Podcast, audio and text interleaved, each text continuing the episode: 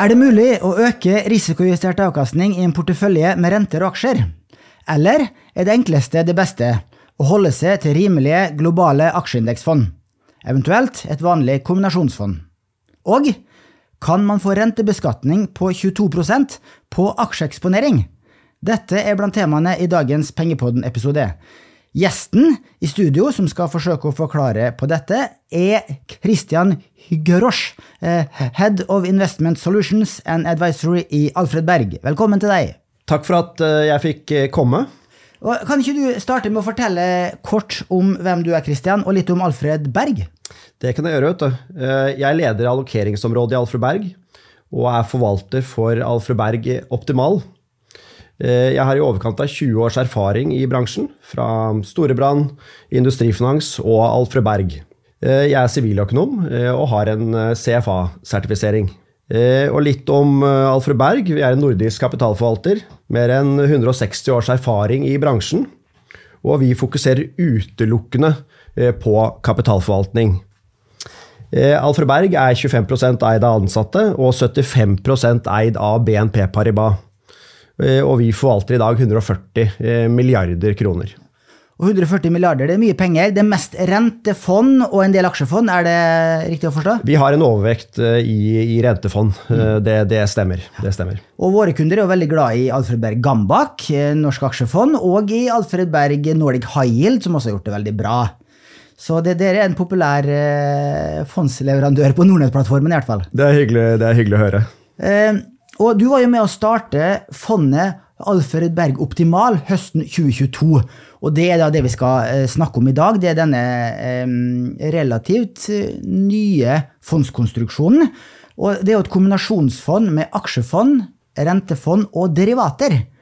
Og sistnevnte er litt spesielt, for det er ikke så mange kombinasjonsfond som har derivater. Og eh, disse derivatene, det har en hensikt at det kan eh, føre fondets bruttoeksponering eh, opp til 200% Så da kan du altså sitte med røffelig 100% i aksjer og 100% i renter. Og det er jo ganske sjelden for et kombinasjonsfond. Og dere sier på nettsiden deres at dere har omtrent samme risiko som et eh, rent aksjefond, men bredere diversifisering eh, gjennom plassering i ulike aktiva klasser.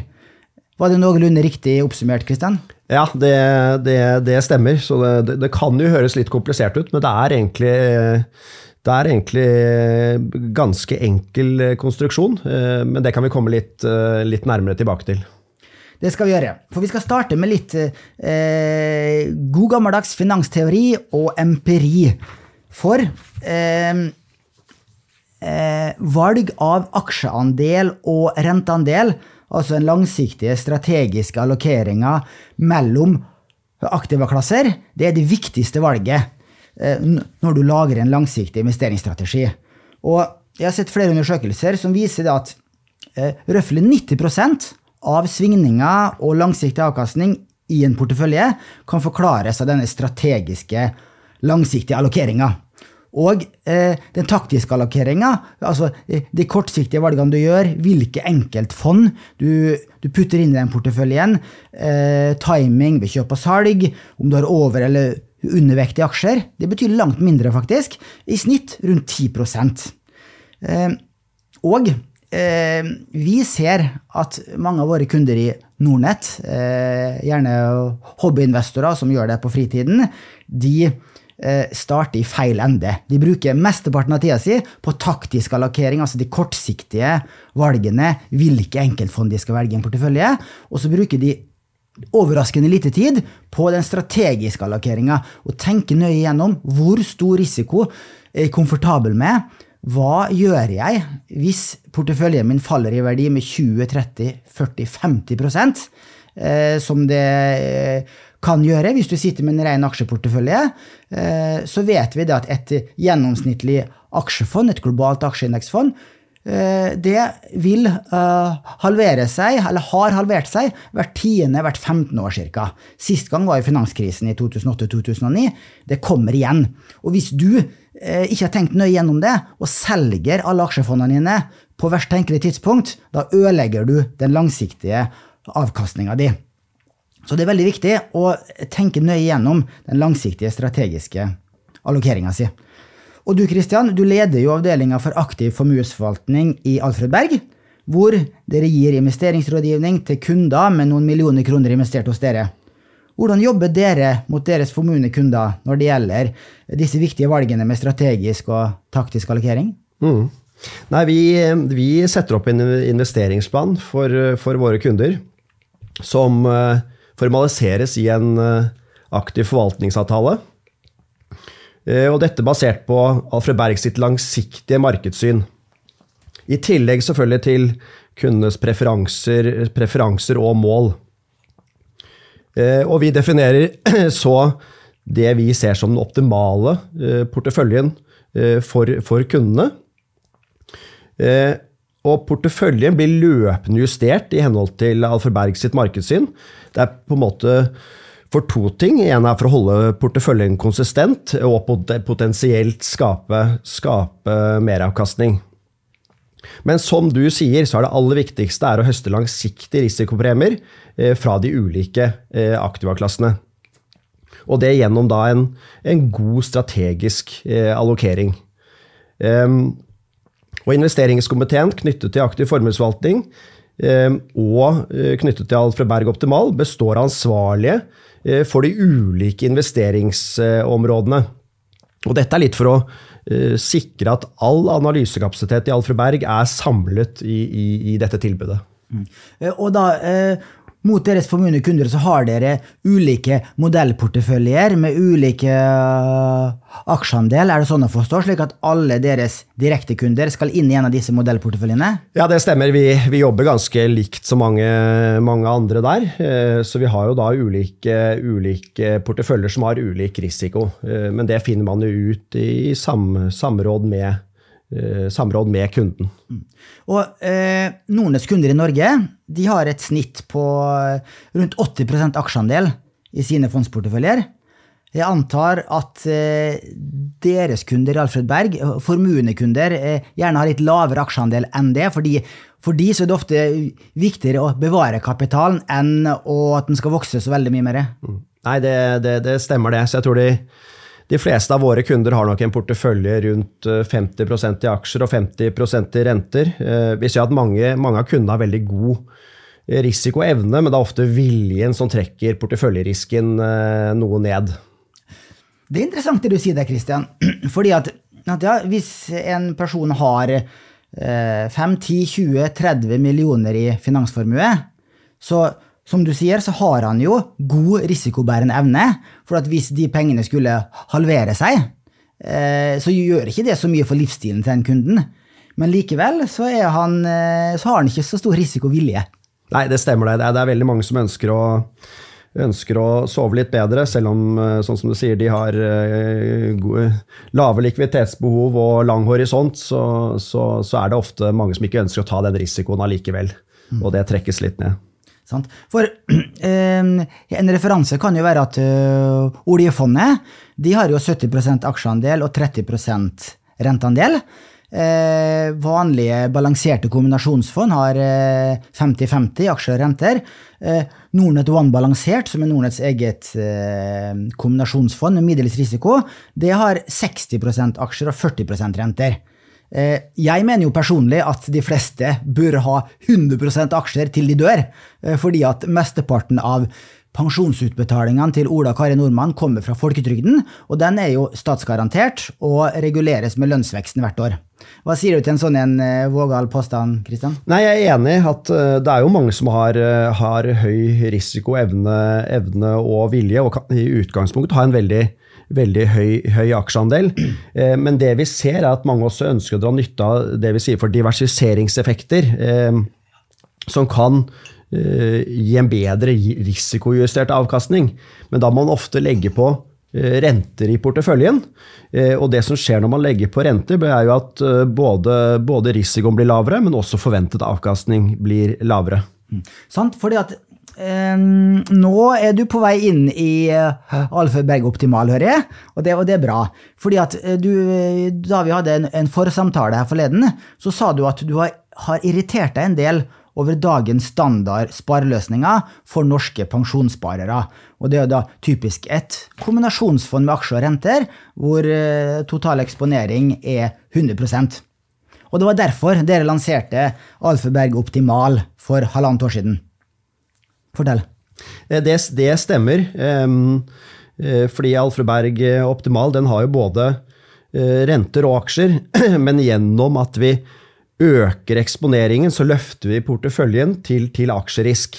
Og da får vi et fond som er et alternativ til, til aksjer, men med høyere diversifisering og potensielt høyere forventet, forventet avkastning. Så, så, da har du en litt høyere sharp ratio, da, litt høyere risikorettet avkastning i en normalperiode? Det, det stemmer, det er det som er hele tanken. Eh, og dette er jo egentlig også det, det eh, læreboken sier. Og det er jo mye basert på, på, på Markowitz sin, sin, sin, tankegang. Og det er på en måte derfor det er dette vi ønsker å sette i, i, i live og, og teste ut i praksis. Og det er jo eh, interessant at det er såpass lite vanlig. Eh, fordi at det er jo, som du sier, det er finansteori at eh, du kan få en litt bedre risikohjulpet avkastning ved å øke eksponeringa utover 100% og ta inn renter. Men den Alfa Berg Optimal, er det rundt 100% aksjeandel pluss 100% renteandel? Det er, det er, i utgangspunktet 100 eh, aksjer med, med, med, med, rente på toppen. Men det er ikke fullt 100% renter på toppen. Det er det, er det ikke. Eh, men dette også, dette, det, det, som du sier, det, det, har mulighet for å løfte opp til, til 100 eh, renter. Men det som er veldig viktig, er at på, på rentesiden så har vi mye høykvalitetsrenter for at det skal ha en god diversiseringseffekt med, med aksjer. Mm. For uh, hvordan ser den uh, porteføljen ut? For at, uh, som vi også har vært inne, inne på, det her er jo en litt sånn spesiell konstruksjon, siden du faktisk har 22% skatt på det. Det skal vi komme litt tilbake til.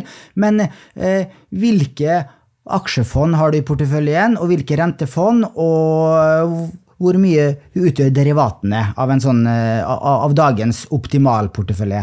Mm. Nei, vi har Av de 100 i aksjer, så har vi har vi 10% i, i, i fond.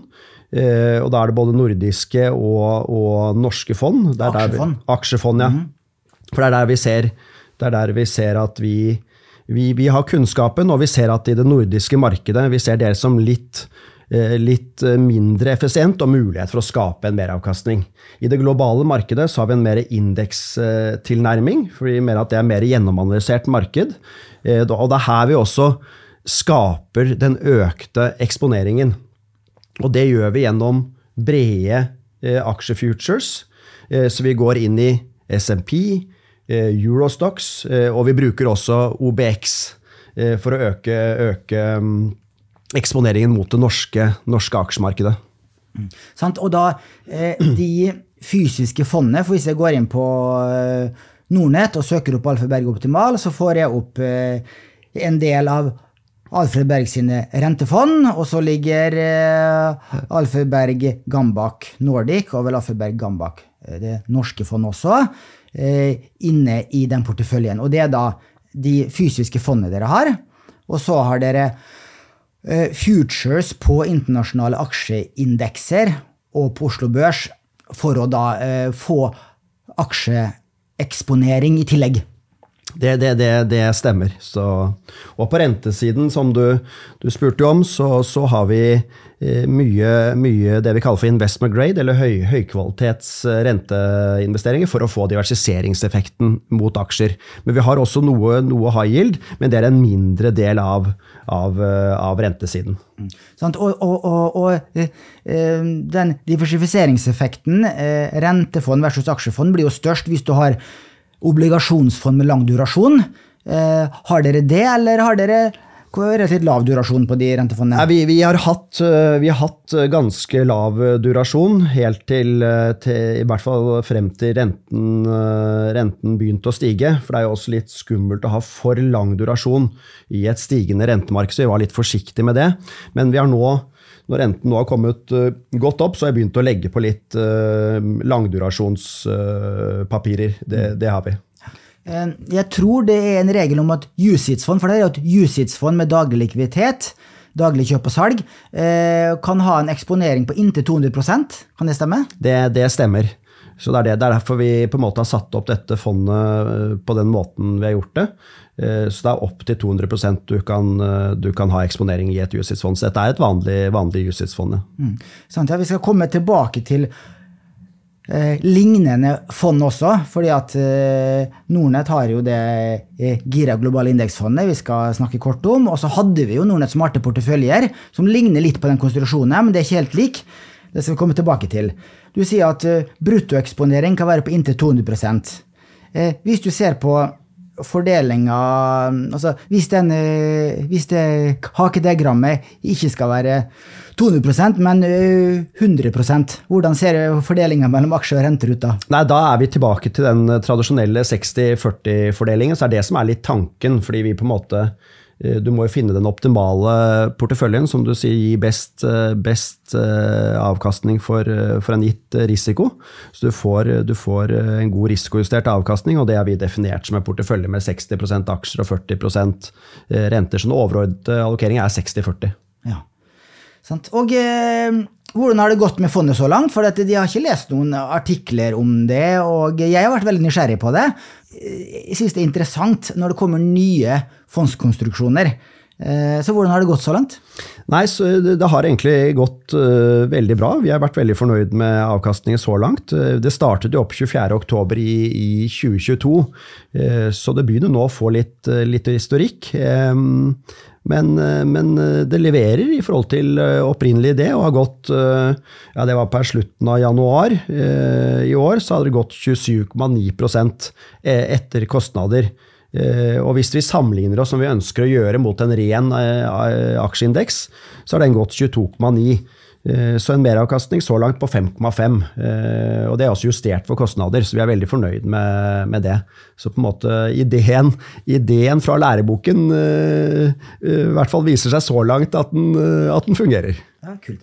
Og eh, når du sier den referanseindeksen du har brukt, du sendte meg over eh, noen foiler på det, og da eh, har de brukt eh, KLP, aksje global valutasikkerhet, med en vekt på 75% og 25 eh, Oslo Børsindeksen. Mm. og der eh, er det jo et poeng at dette fondet, eller den, den internasjonale aksjeeksponeringa, og for så vidt også renteeksponeringa, den er valutasikra. Eh, og eh, hvis den ikke hadde vært valutasikra, så hadde jo avkastninga vært enda høyere, for at kronen har svekka seg det siste halvannet året. Nei, det, det, det, det, stemmer det. Så det er på grunn av på grunn av at vi bruker futures for å, for å, øke eksponeringen, så vil det på en måte naturlig bli en valutasikring, siden det er bare en eksponering du har, og du putter jo ikke noe eh, fysiske kroner på, på, på bordet. Sant, og da og det er jo viktig for kundene å vite, fordi at eh, da har du jo gått glipp av kronesvekkelse. Men på lang sikt så skal man kanskje ikke ha noe syn på om eh, krona skal svekkes eller styrkes. Men har dere vurdert å ta inn ordet valutasikkerhet, slik at fondet heter Alfred Berg Optimal valutasikkerhet? Eh, man kunne ha gjort det, men, men, i utgangspunktet så har vi jo ikke noen begrensninger på valutaeksponering i fondet. Eh, men sånn som du sier, vi, vi, vi, vi, har ikke noe sterkt syn på valuta. Eh, det, det er på en måte, det, det, det svinger, svinger, mye, men vi har sett nå når du er ute i, i halepartier som vi kanskje mener at, at, kronen er nå, nå er den jo veldig, veldig, veldig svak, så kan man jo ta noe noe posisjoner. Eh, men i hvert fall nå ser vi det. Hvis du ser ett til to år frem, så mener vi at eh, kronen kan bli sterkere enn svakere, i hvert fall. Så ligge med en, med en åpen eller en valutasikring nå kan, kan, kan synes fornuftig. Eh, og det er bare en tilnærmet valutasikring, for det er pga. at man bruker futures at man får det. Eh, så du har en liten eksponering mot valuta i, fondet, men, men veldig, veldig liten. 28 eh, avkastning siden oppstart, sier du. Hvor mye av den avkastninga har kommet fra aksjedelen, og hvor mye har kommet fra rentedelen? Mm. Eh, nei, vi ser at ca. litt over 19% har kommet fra, fra aksjer, og, og, nærmere 9% har kommet fra, fra, fra, renter. Så det har, vært et, ja, det har for så vidt vært et veldig bra bidrag både fra aksjer og fra, fra renter. Mm. Og siden du har renter i en sånn portefølje, og du ved å kjøpe future, så har du jo en, egentlig en indirekte lånekostnad. Da må jo den avkastninga på renteporteføljen overstige den implisitte lånekostnaden? Er det sånn å forstå? Det er sånn å forstå, og det er derfor vi også bruker futures, for det er jo på en måte den implisitte lånekostnaden, risikofri Eh, rente. Eh, og vi ser jo at eh, den, den rentesiden vi går i, er jo, er jo investment grade-renter og noe high yield. Og det, det gir en, en, en, avkastning som, som over tid slår en risikofri rente. Og i tillegg har diversiseringseffektene mot, mot aksjer. Så det er, det er, på en måte de to elementene vi ønsker å, ønsker å plukke opp. Mm.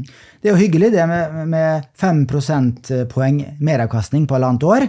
Eh, i forhold til en uh, aksjeindeks. Uh, hva er det med risiko Standardavik? Er det om lag på samme nivå, eller en litt lavere? vi ser i hvert fall Det jeg har sett på nå, er at, er at Standardavik er, er ca. Som, som, som aksjer.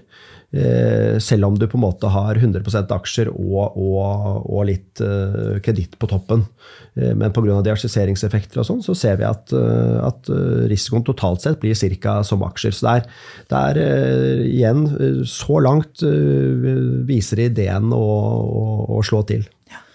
Så det her høres nesten ut som en eh, gratis lunsj, men jeg har sett eh, tilsynelatende gratis lunsjer før som ikke har vært gratis likevel, fordi at plutselig så gjør markedet en U-sving, og man får en, en, kraftig korreksjon, eller at de gamle korrelasjonene som har vært, de brytes, osv. Så, videre. så hva er worst case-scenario for Optimalfondet? Nei, Vi har gjort litt, en del scenarioanalyser for å på en måte teste Eh, robustheten til ideen eh, før vi startet. Eh, og vi ser at i de fleste, fleste scenarioer så slår Optimal en, en, en, ren, ren aksje, en, ren, aksjeportefølje. Men vi ser at når likviditeten i markedet blir borte, så, så kan Optimal falle noe mer. Og det, når vi har gjort backtester, det ser man f.eks. fra koronaperioden. Ehm, men det vi også ser når likviditeten kommer tilbake, så, så, så, man, eh, så plukker man raskt opp eh, det man eh, falt mer. Ja, for da, når likviditeten forsvinner, så er det typiske rentefond av middels kvalitet som får en ekstra hit? Du ser at faktisk under korona så fikk jo egentlig også rentefond av, av høy kvalitet en hit, men som du sier, enda mer med de med middels og lav. Men det er derfor også vi har veldig mye rente med høy kvalitet i porteføljen, eh, fordi at det skal ha gode diversiseringseffekter og ikke oppleve det. Så det var ikke, det var ikke mye mer porteføljen falt i disse stresstestene eh, under korona, eh, og også plukket seg fort, fort opp igjen. Mm. Eh, fondet har en forvaltningskapital på ca. 80 millioner kroner hittil etter halvannet år det er jo eh, veldig smått i forhold til de 140 eh, milliardene som Alfred Berg forvalter. Så eh, det er ikke noe kommersiell suksess hittil, Kristian? Nei, Vi har faktisk foreløpig ikke valgt å markedsføre og distribuere fondet. Eh, og det er litt for å på en måte sette opp, eller få en track record, så vi på en måte ser at historien, eller ideen, fungerer. Eh, men vi har nå startet den prosessen, så, så første trinn i den prosessen var jo å få fondet på, på Nordnett-plattformen. Mm. For der har den vært nå i noen måneder, vel, og totalprisen er 1,19. Det er jo eh, da 0,9 eh, i forvaltning til Alfred Berg, og så er det 0,29% i plattformavgift til Nordnett. Da skal vi snakke litt om lignende fond i markedet. For det er jo nyttig å se litt på forskjeller og likheter mellom de ulike fondene. Og et eh, annet kombinasjonsfond eh, som er, har en litt spesiell konstruksjon, det er Norquant eh, Multi-Asset, som er et eh, regelstyrt kombinasjonsfond med bredere diversifisering enn tradisjonelle kombinasjonsfond. Fordi i tillegg til at Norquant-fondet investerer i aksjer og renter, så investerer de også i børsnoterte eiendoms-ETF-er samt i råvare-ETF-er. Eh, her er eh, total eksponering 100% så de har valgt å ikke legge på giring. Men det er da også investert i børsnotert eiendom og i råvare-ETF-er. Og dette fondet ble nå ganske nylig eh, tre år og har fått fem av fem stjerner i Morningstar. Og har en analysert avkastning de siste tre år på knappe eh, 10 Det er jo veldig hyggelig det for et kombinasjonsfond med balansert risiko. Men dette fondet har også kun 200 millioner i forvaltningskapital. Så det virker på meg at det er litt vanskelig å komme med nye ideer, nye fondskonstruksjoner til norske fondskunder. Hva tenker du, Kristian? Nei, det er, det, er, det, er en, det er, jo et spennende fond, dette her. Og det er jo på en måte eh, mye av den samme tankegangen som, eh, som Alfred Berg Optimal eh, bygger på. Ehm, vi har valgt, og det er mer på bakgrunn av likviditetsfokus og ikke, ikke av eiendom. Ehm, Eh, også råvareeksponering har vi valgt å ta, ta gjennom investeringer investering i selskaper med eh, råvaresensitivitet. Ehm, og, og, ved å investere i aksjer får man også med seg verdiskapning. Ehm, men det vi ser, er at Norquant har en noe lavere risiko enn optimal. Eh, og det er her vi benytter økt eksponering eh, for å løfte en diversisert portefølje eh, opp til aksjerisk. Og for de som er interessert i å, høre mer om Norquant multi-asset-fondet, så hadde jeg forvalter Thomas Nygaard på besøk i Pengepodden for et år eller to siden. Så bare søk opp det, så, så kan dere høre mer om forvalters forklaring av det fondet. Et annet fond som er også litt spesielt, er jo det eh, Gira global indeksfondet som Nordnett lanserte i fjor høst. Altså Nordnett global indeks 125. Eh, og der, i forbindelse med den lanseringa, så uttalte jeg at det er vanskelig å oppnå høyere langsiktig avkastning enn det du får i et globalt aksjeindeksfond. Eh, men en anerkjent måte å slå et globalt indeksfond på, det er å låne litt penger og sette enda litt mer penger i dette globale indeksfondet. Og det er nettopp det vi har gjort med Nordnett global indeks 125. Og det er jo da et eh, indeksfond med lave kostnader, riktignok litt dyrere enn et ordinært indeksfond pga. den eh, giringen. Så der er vår totalpris 0,39% årlig. Har du sett på dette 125-fondet, Kristian? Ja, det har jeg, og det er et veldig, veldig spennende fond. Um, og, og, det benytter jo økt eh, eksponering for å øke forventet avkastning. Eh, akkurat sånn som tanken eh, til Alfred Berg Optimal. Så det vi ser egentlig at Alfred Berg Optimal er en, egentlig en kombinasjon av tankegangen til, til Nordnett Global Indeks 125 og, og Norquants fond. så da har du på en måte både diversisering og, og økt eksponering. Um, det er et interessant poeng, altså. Eh, eh, det har jeg ikke eh, hengt på, at du kan se det på den måten. Og da er jo da Nordnett global indeks 125 litt høyere risiko enn Alfaberg optimal, siden vi har 125% eksponering, og dere har rundt 100. Og så kan man diskutere om den renteeksponeringa på inntil 100 om det er risikoøkende eller risikodempende, men så langt så har det ikke hatt noe særlig å si for risikoen, sier du? Nei, det er det. Så, så, så langt har du på en måte fått de diversiseringseffektene du ønsker. Eh, fordi det er et høy grad av, av, av høykvalitets eh, rentepapirer. Og også eh, selvfølgelig de, de eh, high yield-papirene som er inne. High yield har hatt en god, god utvikling, så, så, det har også bidratt, bidratt godt. Mm. Eh, jeg må også nevne fiaskoen Nordnett smarte porteføljer. Vi skal jo være ærlige og transparente her i Nordnett, så vi kan ikke bare snakke om suksessene våre, vi må snakke om eh, det som ikke er så bra òg. Fordi at eh, en del av våre kunder vil huske Nordnett smarte porteføljer, eh, som ble lansert høsten 2018. Og det var et multi-asset-fond med en risikoparitetsstrategi. Og her eh, hadde eh, eh, Her var det eh, tre forskjellige porteføljer. Det var Nordnett Smart 5 og Smart 10 og 15. Og den 15 hadde jo da et et målsatt standardvik på 15% og da som skulle tilsvare aksjerisiko. Og det var det de fleste norske kundene valgte. Eh, nå var det heldigvis ikke så mange kunder, det var ikke så mye midler inni dette smarte porteføljer, heldigvis, for det gikk ikke så bra. Eh, eh, for der var Totaleksponering i det Nordnett Smart 15 var jo rundt 300% i snitt, hvis jeg husker riktig. Og da var det over 100% renteeksponering, rundt 80% aksjeeksponering. Og så var det da si røftlig 50% råvarer, litt eiendom. Eh, altså eh, børsnotert eiendom. Eh, og eh, så var det også noen sånne faktorstrategier inni der som også skulle bidra til eh, meravkastning.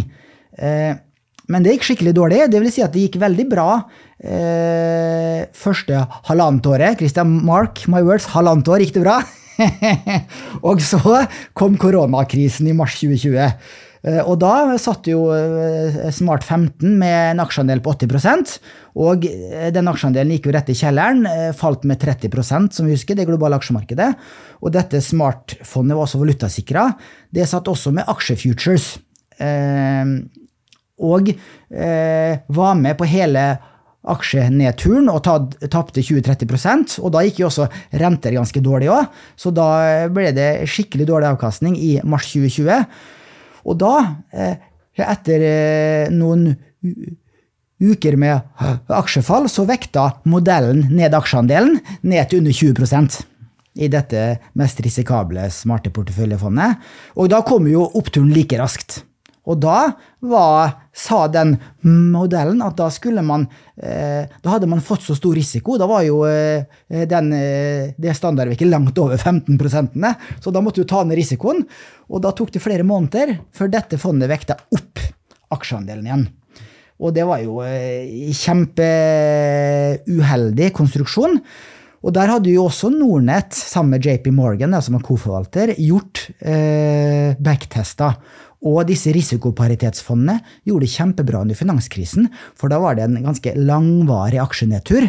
Og eh, det tok lang tid før aksjemarkedet snudde opp igjen.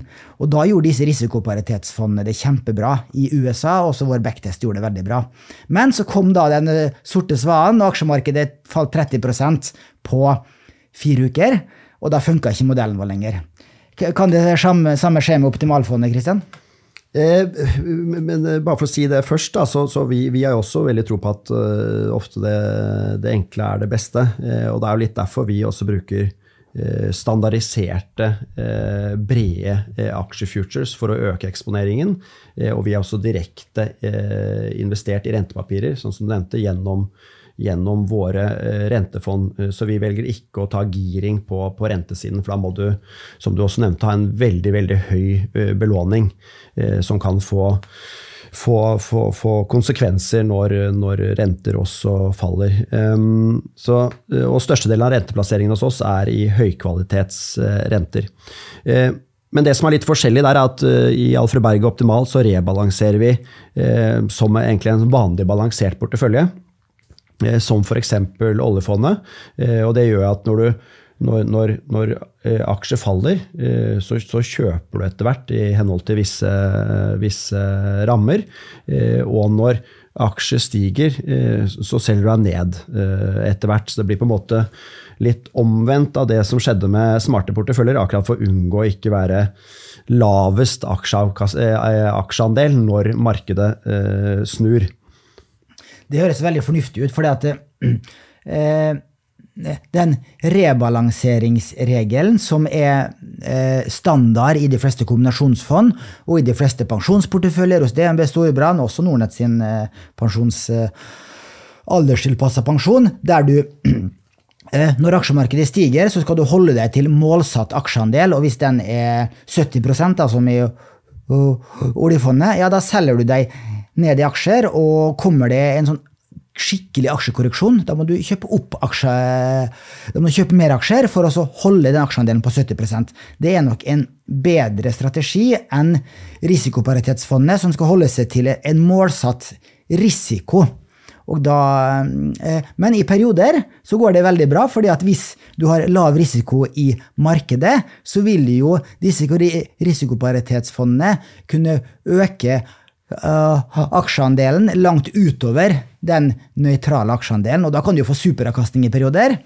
Men uh, når det går feil vei, da, og hvis det går raskt opp igjen, det er da det ikke disse risikoparitetsfondene får trøbbel. Vi skal snakke litt om skatt på slutten, Kristian. For som vi hinta om innledningsvis, så regnes eh, Alfred Berg Optimalfondet skattemessig som et rentefond. Eh, lanserte dere dette fondet for å ta innersvingen på finansminister eh, Vedum eh, etter at aksjeskatten ble økt, Kristian? Uh, nei, det kunne timingmessig så kunne det nesten, nesten uh, se sånn ut. Uh, men, men, i utgangspunktet så var jo denne ideen for å få en, få et, en bedre risikojustert portefølje enn en, Eller få bedre betalt enn rene, rent, en ren aksjeportefølje. Så, og, og det var der litt fordi her har vi jo en eksponering på 100% i aksjer, så vi gikk jo til vår, eh, vår rådgiver eh, for å få svar på dette med, eh, med skatt. For vi ønsket i utgangspunktet å ha det på en aksjesparekonto. mulighet for det, siden det er 100% eksponert mot aksjer. Men, men, det vi faktisk fikk tilbake, var at, var at dette var et, beskattet som et rent rentefond. Fordi det da bruker eh, aksjefutures til, til, å øke eksponeringen. Eh, så, så, direkte eh, i, i, i, aksjer så er det jo disse aksjefondene vi snakket om. Eh, så i dag så ligger jo den eksponeringen rundt 11 eh, og alt under 20 eh, blir jo definert som da, da et rentefond. Så, så den, den, kom litt inn på sidelinjen. Vi, vi trodde det var et uh, beskattet som et aksjefond og ønsket å ha der, men uh, det viste seg at det ikke var. Så den, den, den kom litt overraskende på, men, uh, men ja. Det er jo en stor fordel for privatpersoner, da. Da kan du jo da få aksjeeksponering og aksjeavkastning med rentebeskatning. Det stemmer. Så for privatpersoner er jo dette en, eh, en, en, en stor fordel, ja. Mm. Det, det, stemmer. Men du får ikke skjermingsfradrag da, siden det blir eh, beskatta som rentefond? Ja, det er ikke det, sant. Så det, der, det, får du ikke. Mm. Og så, så for Nordnett-kunder da, så kan det være aktuelt å ha dette fondet på en investeringskonto eh, Zero, eh, hvor du da kan eh, bytte fond eh, uten å betale skatten løpende, og hvor du da kan ha både rentefond og, og aksjefond. Og for de av våre kunder som sitter med investeringsselskap, eller holdingselskap, som det også heter, så vil jo ikke optimalfondet være innenfor fritaksmetoden. For det er det ingen rentefond som er. Så da, mm, da, får du ikke en fordel med utsatt skatt ved fondsbytte. Nei, eh, men det vi kan nevne er at dette fondet er registrert også i Sverige, med hvor du har akkumulerende renter. Eh, så eh, den beskattes først når du realiserer pga. den akkumulerende effekten.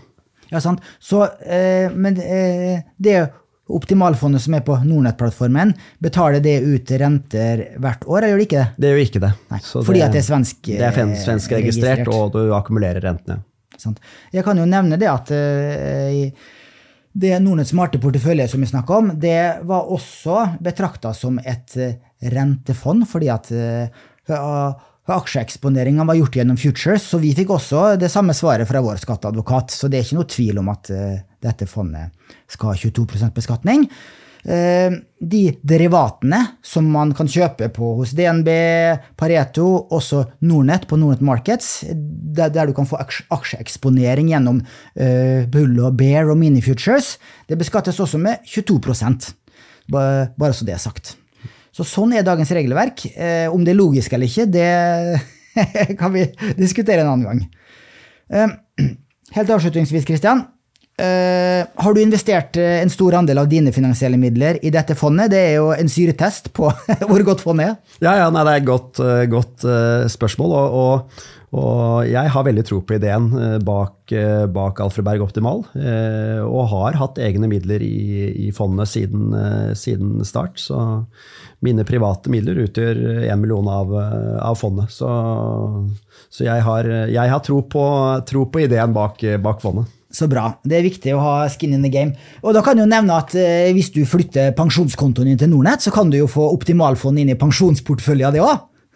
Det, det, høres veldig, veldig, veldig bra ut. Så. så bra. Eh, med den salgspitchen på slutten så tror jeg vi eh, sier tusen takk for at du kunne komme, Kristian. Veldig, veldig hyggelig at jeg kunne komme, så, så, så takk for det. Og tusen takk til alle som hørte på, og ha en fortsatt fin uke.